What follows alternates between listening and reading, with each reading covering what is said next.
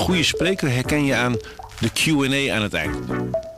Onze lifehack-expert Martijn Aslander geeft je adviezen waar je echt wat aan hebt. Beluister en bekijk Martijn of een van onze andere experts op businesswise.nl. Businesswise, het nieuwe platform voor iedereen met ambitie. Een onderbelicht stuk uit het debat van vorige week over de val van het kabinet. Uh, de wetenschap, die, die, die nog, nog maar, sorry, maar die net één tandje hoger zitten dan de journalistiek. Ja, wat krijgen we nou, Tobias? Ja, ik denk... Dit is Klaas Dijkhoff hè, van de VVD. Waar staat hij zelf dan? Ja, ik, hij, hij vergist zich natuurlijk ontzettend. En hij heeft denk ik nog niet van deze podcast gehoord. Je luistert naar de verkiezingspodcast Politiek Dichtbij. Met Tobias Den Hartog en Leendert Beekman. Straks spreken we over de drugsproblematiek en het drugsbeleid. Want wat zijn de plannen van de partijen voor na de verkiezingen? Daarover spreken we Hessel de Ree van BN Stem. Maar ook boswachter Erik de Jong uit Bergen op Zoom en wethouder Greetje Bos uit Breda. Maar eerst de avondklok. Het belangrijkste is dat we vandaag met het voornemen komen voor een avondklok. Nederland, trots en vrij, avondklok hoort daar niet bij. Het is heel rustig, wel, wel lekker moet ik zeggen. Ja. Ik ben een echte stadsmens, wij wonen ook in de stad en uh, we hebben dit nog nooit eerder gezien.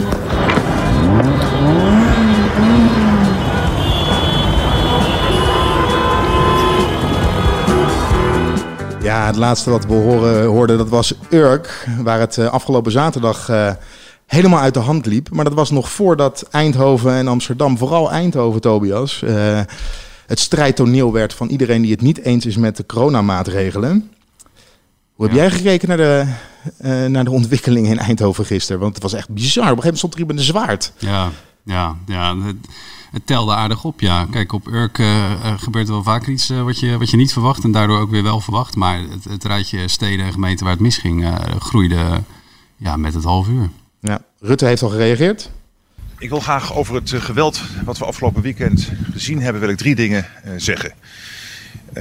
in de eerste plaats dat het ontoelaatbaar is en dat elk normaal mens daar alleen met afschuw kennis van kan nemen. Je vraagt je werkelijk af wat bezielt eh, deze mensen? Het heeft niets te maken eh, met protesteren. Het is eh, crimineel geweld en dat zullen we ook als zodanig behandelen.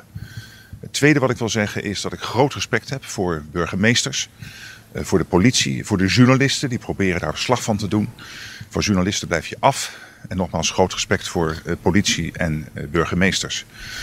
Derde opmerking is dat ik ervan overtuigd ben, uit alles blijkt, dat 99% van Nederland zich houdt aan de maatregelen, zich ook houdt aan de avondklok. Omdat we snappen dat we alleen samen met elkaar in Nederland dat virus eronder krijgen. Het heeft ook niks te maken wat we zagen met strijden voor de vrijheid. We nemen al deze maatregelen niet voor onze lol. We doen dat omdat we vechten tegen het virus en het is het virus wat ons de vrijheid op dit moment beneemt. En door dat virus moeten we die rotmaatregelen nemen. Zoals de scholen dicht op dit moment. Eh, de avondklok. Het feit dat we elkaar minder kunnen zien. Dat we anderhalve meter afstand moeten houden. En we moeten die strijd tegen het virus winnen. Want alleen zo krijgen we onze vrijheid terug. Alleen zo krijgen we onze vrijheid terug. Ja, ja, er zijn, eh, dit, dit was een, Rutte kreeg hier, hier, hierna direct de vraag van uh, gaan we nou die avondklok weer de prullenbak ingooien? Gaan we er eerder mee stoppen? En ja, hij, hij zette eigenlijk meteen de hakken in het zand en zei van nee, ik ga nu naar binnen. En, maar dat ding blijft overheid, dat blijft staan. Die maatregel blijft staan. Ehm, maar de burgemeesters moeten ook nog ja, uh, het veiligheidsberaad in. Zeker, ja. Hij noemt ook, het tweede punt wat hij noemt is opvallend, hè, dat hij meteen respect uitspreekt voor burgemeesters. Want ja, je hebt helemaal gelijk, de bal komt nu bij de burgemeesters te liggen. Uh, zij zijn verantwoordelijk voor de openbare orde. Dus vanmiddag is er weer veiligheidsberaad, daar gaan ze het erover hebben. Ja, en elke avond dat er, meer, uh, dat er weer rellen zijn, uh, komt, komt de bal bij hen te liggen. Zij moeten... Burgemeester Joritsma hè, van Eindhoven, die ja. doet dan wel ferme uitspraken over ja. het begin van de burgeroorlog zo'n beetje. Burgeroorlog, ja. ja. ja. dat verbaasde me wel. Ik dacht, ja, uh, natuurlijk, het waren echt verschrikkelijke beelden hoor. Ik bedoel, dat is, dat is echt is niet goed te praten, maar... Um, ja, of burgeroorlog, om, om nou meteen die termen te gaan gebruiken, dat, dat, dat geeft ook een, een soort van machteloosheid weer. Hè? En uh, ik denk dat Rutte uh, nu direct door dit te zeggen wil uitstralen, uh, jongens, wat er ook gebeurt, wij gaan niet buigen hiervoor. Um, en ja, of hij dat staande kan houden als er en de komende dagen ook ongeregeldheden zijn, ja, dat kun je afvragen. Maar ja, dit is wel het signaal. De vraag is wel, wie zijn deze mensen? Jorisma zelf zegt, dit zijn eh, hooligans die uit eh, heel het land naar eh, Eindhoven zijn gekomen om, om te rellen. Dit heeft niks meer met de coronamaatregelen te maken. Is dat waar? Heeft dit niks met de coronamaatregelen te maken? Ik bedoel, het is niet de enige plek. Hè? In Amsterdam waren er ook ongeregeldheden op Urk Ja. vanwege de avondklok. Je- kan dat toch niet los van elkaar zien.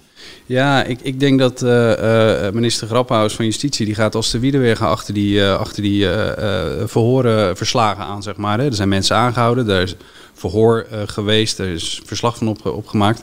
En ik denk dat hij direct achter die motieven aan moet gaan. Van wat, wat zit hier nou precies achter wat zit hier tussen? Zijn dat mensen die ze ook al kennen bij de politie? Of zijn dit echt gefrustreerde ehm, eh, ja, studenten, werkenden die nu thuis zitten door de avondklok en, en het daar echt direct aan te linken is? Of zijn dit een soort van ja, professionele railschoppers? Hè? De NCTV waarschuwt ook in die, in die verslagen eh, van, de, van de afgelopen eh, jaar van joh, er zijn mensen die zijn nu thuis, die, die, die, die zitten al in een bepaalde hoek. Soms een, een complothoek of soms een ehm, eh, extreem links, soms extreem rechts.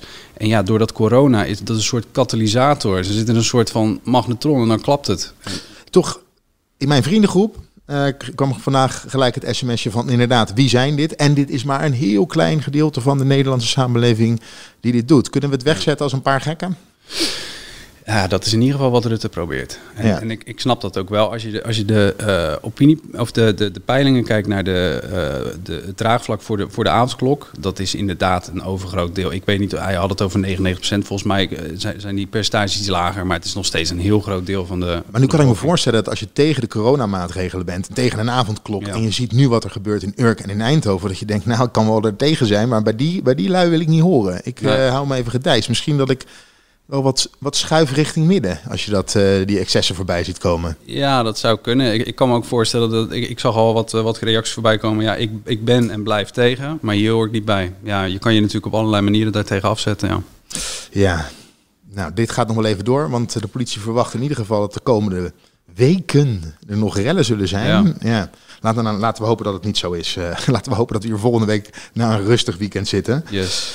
Dan door naar de verkiezingen, want de campagne is vorige week dinsdag in de Tweede Kamer tijdens het debat over de val van het kabinet gelijk begonnen. De premier kan echt niet blijven volhouden dat hij geen directe verantwoordelijkheid hiervoor draagt. Want zijn vingerafdrukken zitten op elke pagina, op elke witgelakte pagina. Wij als Kamerleden zijn totaal voorgelogen en beduveld door u en uw mensen. Uw kabinet heeft de Kamer geschoffeerd. U heeft de rechtsstaat opzij gezet. U heeft de democratie verkracht door de Kamer geen goede antwoorden te geven. Dus neemt hij afstand van die Rutte-doctrine en krijg ik binnen twee dagen hier volledig antwoord op? Of zou hij gek geworden? Nou, voor degenen die ze niet herkennen, worden Ploemen van de Partij van de Arbeid, worden natuurlijk Geert Wilders van de PVV. En tot slot Pieter Omtzigt van het CDA, die het over de Rutte-doctrine had. Ja, dat is een interessant woord, Rutte-doctrine. Eh, ja, ik, ik denk als je het gaat googlen dat je alleen maar hits vindt van de afgelopen tijd. Want het is echt een woord. Het is nieuw. Ja, het is echt een beetje nieuw. Dit is echt een woord dat door, door, eh, eh, los van wat je ervan vindt, hè, maar dit is echt een woord dat door eh, het CDA is geparachuteerd een paar weken geleden, toen die toeslagenaffaire speelde. En het slaat er eigenlijk op dat Rutte heeft altijd gezegd, ik kan niet alle stukken die wij bespreken intern openbaar maken, want er staan persoonlijke beleidsopvattingen in van ambtenaren. En ik moet die ambtenaren beschermen, want zij moeten vrijuit met elkaar kunnen, kunnen praten.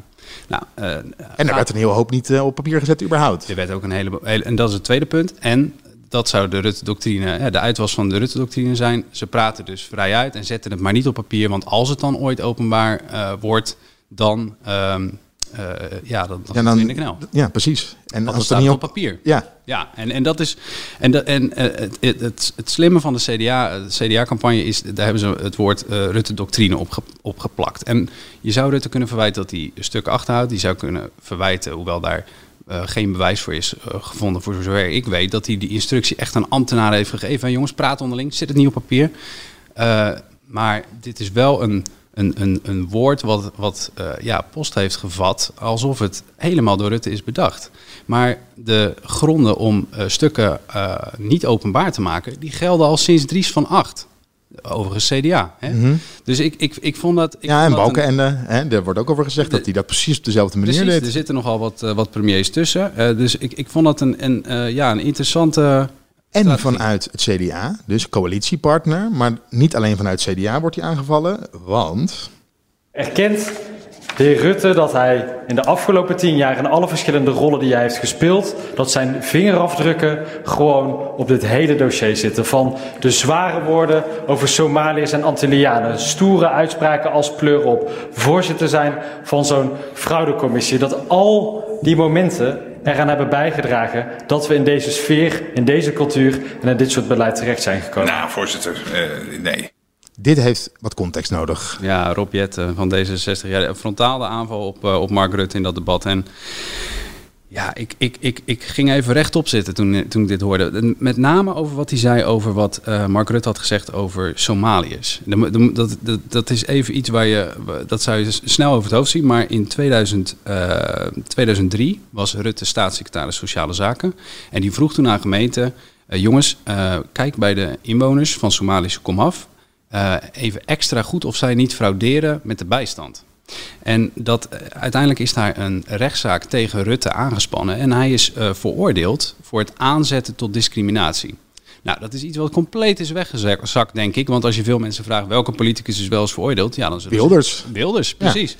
Maar onze eigen premier dus ook. Je kan met zo'n veroordeling op zak, weliswaar vanuit zijn functie dan, hè, niet als privépersoon, maar vanuit zijn functie, je kan er dus premier mee worden. En dat uh, D66 uh, het, het eerste debat waarin ze denken, oké, okay, nu is de, nu, uh, de campagne is begonnen. We gaan nu we gaan, Rutte aanpakken op die pleur-op-uitspraak. Overigens gedaan voordat D66 met VVD in deze coalitie ging zitten. Hè, dus ze wisten ervan. Uh, gaan we ook nog eens even die veroordeling van 2003, uh, al is het maar subtiel, hij noemde het twee keer in dat debat, uh, toch eventjes laten vallen. Zo van, ja, dat is dus de premier die straks weer door wil, maar ja, je kan ook voor ons kiezen.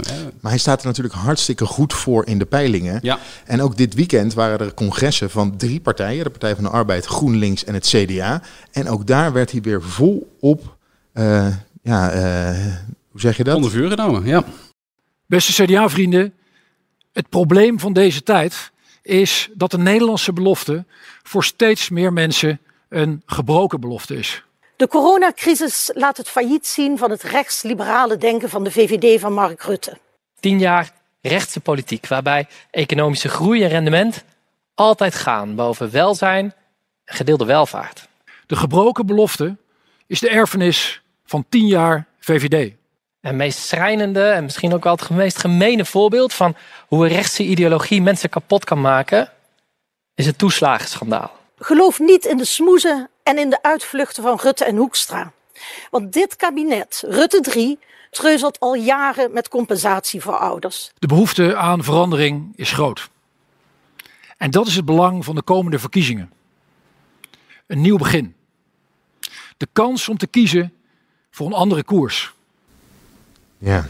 ja. Het CDA, dat zelf zegt, een nieuw begin, een andere koers. Dus een andere koers dan dat er nu met een kabinet wordt ge, uh, gevaren waar Ja. ze zelf in zitten. Ja, ja ik, eh, ik word hier een klein beetje ongemakkelijk van toch wel. Kijk, je, je kan je, eh, je hoorde Ploemen, hè?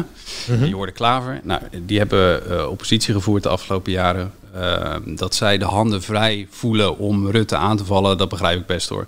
En bij het CDA eh, staat het hen natuurlijk ook helemaal vrij. Maar de woorden die, eh, eh, die Hoekstra kiest vind ik wel opvallend. Hè? Dat er een andere koers en eh, de, de, de, de, ze- breuk met het verleden. Breuk met het verleden. De gebroken beloftes eh, van, van, zi- zijn de erfenis van de VVD.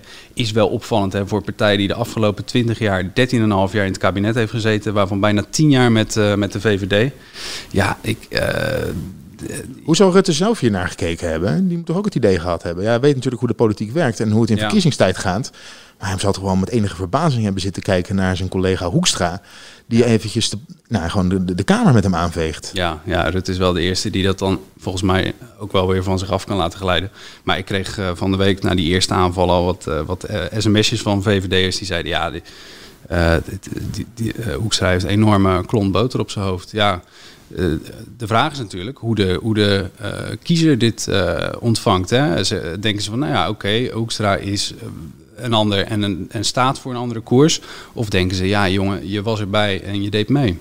Ja, als ik, hè, als eh, die kiezer, daarnaar uh, naar, naar luister. Ik hoor de Partij van de Arbeid, ik hoor uh, GroenLinks en het CDA. dacht, als ik nou eens die kopjes wegdenk en ik weet niet wie hier spreken en ik, ik luister hiernaar, dan denk ik, nou, we gaan een hele linkse koers gaan we varen. We gaan in ieder geval het neoliberalisme gaan we achter ons laten. Ja. Hè, de, de, de marktwerking heeft gefaald. Uh, we gaan de, komende, de komende tijd een, uh, ja, wat meer uh, socialistisch beleid in Nederland krijgen. Ja, ja, nou ja, in, ten dele heb je, heb je ook wel gelijk. Er is recent een analyse geweest van de verkiezingsprogramma's. En dan zie je dat, dat de partijen als of met z'n allen eigenlijk, wat meer in het, richting het linkerhoekje schuiven. En dat zit hem inderdaad ook op het, op het tegengaan van, van, van wat ze dan noemen, hè, de doorgeschoten marktwerking en dergelijke. Dus er zit wel een soort van over, ja, daar zit wel een soort van gemeenschappelijk. maar volgens mij raakt dit Rutte nog helemaal niet. Tenminste, als je de peilingen erop naslaat. Het, Nee. het gaat toch. Ze proberen hier in ieder geval uh, de toeslagenaffaire tot verkiezingsthema te maken en daar Rutte de schuld van te geven. Maar het blijft gewoon over corona gaan. Het gaat nu over de avondklok en over de rellen en over de onrust, over de smettingscijfers. Ja. En ik heb een beetje het gevoel dat ze wel aan het schieten zijn, maar... Uh, Nog geen doeltreffer. Nee. Nee, ja, ik, ik denk dat het, dat, dat zal ook de grote frustratie zijn. Wat, wat, wat kunnen we doen om, uh, om Rutte kapot te krijgen? Want de, de, het, het, het, de peilingen wijzen nog steeds ja, allemaal zijn, uh, zijn kant op. Nou, tot slot wil ik dan eventjes een stukje laten horen van uh, Ploemen. Heel opvallend tijdens uh, het congres van afgelopen weekend. Toen Donald Trump met één pennenstreek besloot dat vrouwen wereldwijd geen hulp meer mochten krijgen bij anticonceptie en bij abortus, kon ik als minister een verschil maken. Het was het begin van She Decides, een internationale beweging van vrouwen en mannen die opstaan voor vrouwenrechten. En dat geeft hoop. Want in Amerika is geen eeuwig boze Trump meer aan de macht, maar is nu Joe Biden. Hoor ik dit nu goed, Tobias? Lilianne Ploemen heeft de koers van de geschiedenis gewijzigd. Ja, dankzij ja. Lilianne Ploemen zit Biden nu op de stoel waar Trump eerst zat in het Witte Huis. Ja, zo kun je het horen. Ik denk niet dat ze het zo bedoelt, maar... ze zegt het wel zo. Laten we dat ja, even vooropstellen. Ja. Nee, ze is, ze is wel een, uh, enorm trots op wat ze destijds met die uh, She Decides, hè, dat, uh, dat abortusinitiatief van haar of seksuele voorlichting initiatief van haar ehm, van de grond heeft gekregen. Die trots die, die zit er nog steeds en dat brengt ze natuurlijk graag voor het voetlicht nu. Ja. Ja, laten we over drugs gaan praten. Overigens, oh. uh, het was uh, Ploemen die kreeg, uh, die, die, die, die had zelf de, het geld voor die, voor die She actie bij elkaar gesprokkeld, dat gelanceerd. Allemaal buiten medeweten om van de rest van het kabinet. Had het ook niet tegen Rutte gezegd. Ik dacht, ja, daar komt dan een gezeur van, die moet dan gewoon weer gaan bellen met Amerika, hoe dat valt enzovoort. En ehm, Rutte nam een sportief op, die uh, kwam een t-shirtje aan van uh, superploemen. dus, ja, goed, laten we vooropstellen dat ze in ieder geval wel echt iets bereikt heeft. Uh, dat het niet niets was wat ze gedaan heeft. Nee, zeker. Maar laten we verder gaan praten over, over drugs. Want bij deze verkiezingen zal de drugsproblematiek ook op de agenda komen te staan. En dan is de vraag, hoe gaan we dat aanpakken? En een plek waar de drugsproblematiek erg in zicht is, dat is in Brabant. Want uh, geregeld kunnen we in uh, onze kranten lezen, Tobias, dat, uh, dat er daar wat drugsfuncties zijn. Ja, in Brabant. Brabant is de provincie waar veel drugs wordt gemaakt eigenlijk. Dus je hebt hier veel productie van synthetische drugs. Het is echt van oudsher eigenlijk al heel lang een, uh, een uh, synthetische drugsindustrie die er in Brabant is. En hennep wordt hier ook veel uh, geteeld. Ja, we hebben hier ja, zeker in Brabant gewoon heel veel te maken met dumpingen van drugsafval. En dat komt omdat er natuurlijk heel veel drugs geproduceerd wordt in Zuid-Nederland. En daar komt afval bij vrij. En helaas komt dat voor een groot deel in de natuur terecht. Ja, wie we hoorden was Erik de Jonge. Boswachter uit Bergen op Zoom, die geregeld de, de, en de grote vaten met drugsafval bij hem uit het bos weg kan halen, vaak lekkend. En we hoorden wethouder Greetje Bos uit uh, Breda, VVD-wethouder. Uh, en ze zijn het eigenlijk zat, uh, die drugsproblematiek daar. Moeten we erbij zeggen dat het natuurlijk niet alleen in, in, in Brabant speelt, nee. maar het is wel een goed voorbeeld. Ja, dat is wel de, een beetje de, de, de wietschuur van Nederland, wordt het wel genoemd. Ja. ja, en in Brabant zelf zijn de mensen het ook meer dan zat. Ja, wat ik hier uh, regelmatig zie, uh, dan, uh, dan wordt er heel veel gedumpt. Ja, ik baal ervan. Het is een natuurgebied waar ik doorheen loop en het spul hoort er gewoon niet te liggen. En dat er niet, niet strenger tegen opgetreden wordt, dat, dat, dat steekt. Met die hele grote hoeveelheid drugsproductie in Nederland hebben we gewoon een mega bedrijf binnen. Van al die pillen die tot Amerika, Israël, Australië gebruikt worden, die hier geproduceerd worden. Wij hebben een rommel die dat oplevert. Ja, wethouder Greetje Bos uh, op het VVD-congres in december uh, had zij een, uh, een voorstel om wiet te legaliseren. er worden met deze industrie wordt ontzettend veel geld verdiend. Dat is ook de motor achter deze industrie. Niemand gaat voor, omdat hij principieel voor cocaïne is, in de cocaïnehandel. Ze gaan erin omdat ze er zo verschrikkelijk veel geld mee kunnen verdienen. Nou, dat verdienmodel, je wilt dat het verdienmodel achter die verdovende middelenhandel uitgehaald wordt. De enige manier die wij kennen waarop je daadwerkelijk een verdienmodel kan, uh, kan aanpakken, is als je uh, dit soort middelen uit het strafrecht haalt. Nou, dat pleidooi heb ik ook gevoerd. Uh, vorig jaar ook al, dat pleidooi blijf ik ook voeren. Uh, ik denk dat je een goed debat moet voeren met elkaar over of verdovende middelen in het strafrecht moeten blijven. En dan moet je beginnen met softdrugs, cannabis. Ja, dit uh, voorstel heeft het niet gehaald op het VVD-congres. is niet in het uh, verkiezingsprogramma gekomen. Zij zegt overigens niet dat uh, alleen legaliseren genoeg is. Hè. Er moet ook perspectief geboden worden voor de ondermijnende criminaliteit. Hè. Want dat is een aantrekkings, ja. heeft aantrekkingskracht op vooral op jongeren. Ehm, is dit nou een oplossing, Tobias? De legalisatie van, van softdrugs. Zou dit een begin kunnen zijn? Ja, Weet je, dat is het lastige in. Daarna, hier, hier worden geregeld debatten over gehouden. Hè? En dan heb je de tegenstanders die kunnen uh, negen wetenschappelijke onderzoeken overleggen waarin blijkt dat het wel zo is. En, de, en, en, en de tegenstanders andersom precies heen. De, het is zo, uh, zo ingewikkeld.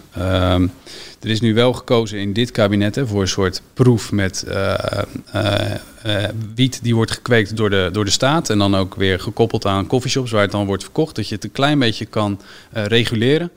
Ehm, maar goed, dat is echt nog wel in de opstartfase. misschien dat dat de mensen iets wijzer maakt. Maar ja, ik vind het moeilijk te zeggen. Ja, en dat vindt eigenlijk ook onze collega van BN De Stem, Hessel de Ree. Die dagelijks voor zijn werk in aanraking komt met die drugsproblematiek. En ook hij heeft er een hard hoofd in of uh, de legalisatie van drugs wel gaat helpen? Um, in theorie zeker. Hè, dat verdienmodel waar dus die hele uh, criminele industrie op is gestoeld. ja, dat, dat zou dan weg moeten. Dan ben je dat gedeelte ben je kwijt. Zou je zeggen, hè? let op, want ik ben er nog niet. En waar het ook goed voor is, legalisering van drugs en regulering van het gebruik, is dan heb je goede kwaliteit drugs, waar controle op is. Het gebruik wordt dan gereguleerd, er kan medische zorg bij zijn en dat zou dan goed voor verslavingszorg zijn. Maar dat is de theorie en de praktijk lijkt me uh, en veel anderen het toch wel iets weerbarstiger. Want als je gaat legaliseren, dan moet je dat eigenlijk ook in alle andere Europese landen en het liefst mondiaal doen. Want die criminele uh, drugsindustrie in Nederland, en met name in Brabant ook, die uh, produceert eigenlijk het verreweg het grootste gedeelte, schattingen variëren tussen de 80 en 85 procent, voor de export. Dus als je in België, Duitsland, Engeland, Spanje, uh, als daar die criminelen hun, hun drugs nog gewoon kunnen verkopen, dan gaat hun verdienmodel gewoon door. Hey, wordt er nou eigenlijk uh, vanuit, vanuit Brabant nu naar Den Haag gekeken met de verkiezingen uh, rondom het thema drugs? Nou, ik, als ik nou heel eerlijk ben, hè, dan is de, uh, doen ze dat op bestuurlijk niveau wel. En in, in, in gemeenteraden hoor je daar wel het een en ander over. Maar toch leeft dat niet heel erg bij de bevolking hoor. Het, het, is toch een soort. Ja, men, men, de meeste mensen hebben natuurlijk hebben een aan de, aan de drugsindustrie. Ze willen niet dat er een hennenplantage naast hun huis affikt. Dat er een, een, een, een ecstasy-laboratorium in een garage achter hun woning staat. Waar een ontploffing plaats heeft. Dat wil niemand. Maar toch, heel erg leeft het niet. Maar bestuurlijk leeft het volop. En dat heeft ook de afgelopen jaren al heel wat opgeleverd. Er is extra geld naar Brabant gegaan om de drugsindustrie te bestrijden. En uh, ja, dus op dat niveau leeft het zeker wel. Ja, wat vind jij? Moet het een uh, belangrijker thema worden in Den Haag of uh, staat het al genoeg op de agenda? Nou, ik, ik, ik heb zelf uh, anderhalf jaar geleden met een ondermijningsredactie, zoals we die noemden, van de Zuidelijke Kranten, hebben we een interview gehad met minister Grapperhaus. we hebben met ambtenaren gesproken, met andere politici van andere partijen. dat staat echt wel op de agenda hoor. Maar ja, het is, het, het is een ongelooflijk ingewikkeld probleem. Waarvan ik eerlijk gezegd, en ik, ik loop nu al 30 jaar in die misdaadverslaggeving mee. En wij, hebben hier in Brabant al, al nogal langer te maken met die, drugsindustrie. Ja, als je dat echt wil aanpakken, dan heb je op alle niveaus in de samenleving eh, heb je maatregelen nodig. Je bent er niet alleen maar met meer politie. Je bent er niet alleen maar met meer zorg. Je moet, daar moet ook armoede moet weg in, in eh, wijken waarin achtergestelde families wonen. Je moet, die mensen moet je, eh, die moeten op een of andere manier een zinnige toekomst eh, voorgeschoteld kunnen krijgen. Die moeten een stip op de horizon zien. Anders gaan die jongelui, die vloeien zo naar die, naar die misdaadbendes toe. Ja, die keuze is niet zo moeilijk hè. tenminste voor velen niet. Dus ja, het, het grijpt enorm in op allerlei aspecten van de samenleving. En daarom is ook de oplossing ontzettend moeilijk. Hessel, dankjewel. Geen dank. Hoi. Tobias, de verkiezingsprogramma's. Uh, wie is er mee, welke partij is het meest uitgesproken over uh, de drugsproblematiek en de aanpak daarvan? Ja, ik denk GroenLinks. GroenLinks die, die pleit voor legalisering van softdrugs en ook voor de legalisering van ecstasy. Mm -hmm. uh, ja, dat, dat, dat, dat plan dat lanceerde ze een tijdje geleden en dat wekte echt wel de woede hoor in Den Haag. dat, dat, dat werd, zij werden wel beschuldigd van zoveel naïviteit dat je dat dan, hè, dat het nog uh, dat het niet enorme schade zou Waarom naïviteit dan? Want je hoort het toch wel vaak, ook om me heen hoor ik het vaak van ja, al die criminaliteit rondom drugs, ja. dat is weg op het moment dat je legaliseert. Ja, ja, ja de, de, het punt is wel, de, de, de afzet, de, onze afzet is inderdaad wat, wat uh, Hessel ook al zegt, ja, we, we, exporteren vooral heel veel. Dus de vraag is of je door het, het uh, legaliseren, of je het, je breekt niet het, het businessmodel, zeg maar. Hè? Dus er blijft gewoon uh, en het blijft een enorme lucratieve handel waarvan een heel groot deel naar het buitenland gaat. Dus ik, ik weet niet of je het uh, helemaal gereguleerd krijgt zoals, en dat is bijvoorbeeld D66 uh, heel graag wil. Die willen de softdrugs dan, hè, willen ze reguleren. Dat je het allemaal onder staatstoezicht doet met controle op kwaliteit enzovoort. En dat je een soort keten creëert waarbij uh, waarbij je het echt in de hand hebt. Alleen ja, de, de tegenstanders zeggen dan ja, maar dan heb je een keten waarbij je het allemaal reguleert en dan komt er een soort illegaal circuitje naast. En uh, ja, zo is, zo is, is voor elk voor. En ook hier export, hè? Softdrugs wordt ook gewoon geëxporteerd. Absoluut, ja. nou, dan nog even verder kijken. Als je nou uh, graag wil dat er wel opgetreden wordt, in ieder geval dat het niet legaal wordt, dan moeten we bij de christelijke partijen zijn, neem ik aan. Ja, de CDA is van, de grote, van de grotere partigen zit je bij CDA zit je nou wel goed. Ja. Dat is echt een, een nulbeleid. En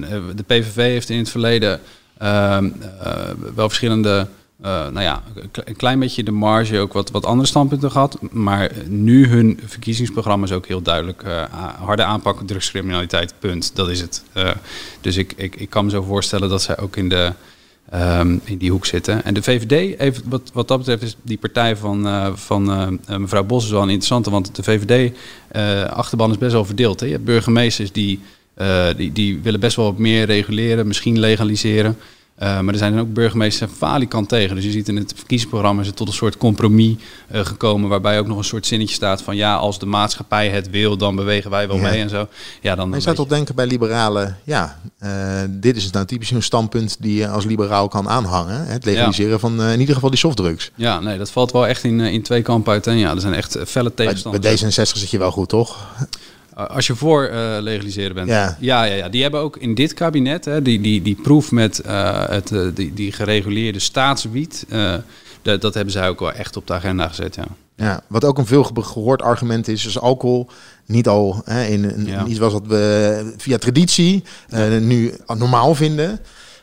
dan was dat nu ook nooit legaal geweest als dat, als dat nu uh, nee, uitgevonden met, zou worden. Met, met de kennis van nu, zou ja. kunnen zeggen. Ja, ja, ja, ja. Maar dat, is voor, dat geldt voor, voor, voor roken misschien ook wel. En uh, ja. ja, daar, zijn, daar zijn we gaandeweg natuurlijk wel anders tegenaan gaan kijken. Ja. Is dit nog iets, want dit zijn natuurlijk wel belangrijke thema's. Zeker als we naar onze collega's kijken die in, in Breda, uh, die in Brabant. Hessel de Ree in Breda, die is daar, heeft er een dagtaken aan om die criminelen te volgen. En mm. te kijken waar, hoe die drugslijnen allemaal lopen. Ja. Um, Staat dit dan genoeg op de agenda? Ja, dit is wel top of mind hoor. Als je het hebt over de criminele kant van, uh, uh, van drugs, daar is, de, daar is in dit kabinet wel een, uh, een, een enorme slok geld voor uitgetrokken. Er is ook een soort ondermijningsfonds gecreëerd, de ondermijnende criminaliteit die met drugscriminaliteit verwant, verwant is. Dus daar is enorm veel geld in, in voor vrijgemaakt. En um, als je het hebt over de wel of niet legaliseren, dus de politieke kant, ja, dat is, dat is door dat experiment met die staatswiet, is dat wel echt ja, ook op de, op de agenda geweest, behandeld. En dat zal zich nu moeten wijzen. Maar ik denk dat in de eh, formatie straks ook wel absoluut een discussiepunt weer gaat worden. De drugsproblematiek die staat dus hoog op de agenda in Politiek Den Haag. Ja, de verkiezingen die komen met rassenscheden dichterbij. 17 maart, dan eh, zijn ze er. Ze worden niet uitgesteld, toch Tobias? Nee, vooralsnog, uh, vooralsnog zijn ze niet. Gaan we die vraag houden wij er ook in. nou, vond je de, vind je deze podcast leuk? Dan kan je je natuurlijk abonneren. Dat kan je bij Spotify doen. Maar ook bij Apple Podcast of op je favoriete podcast app. Leuk.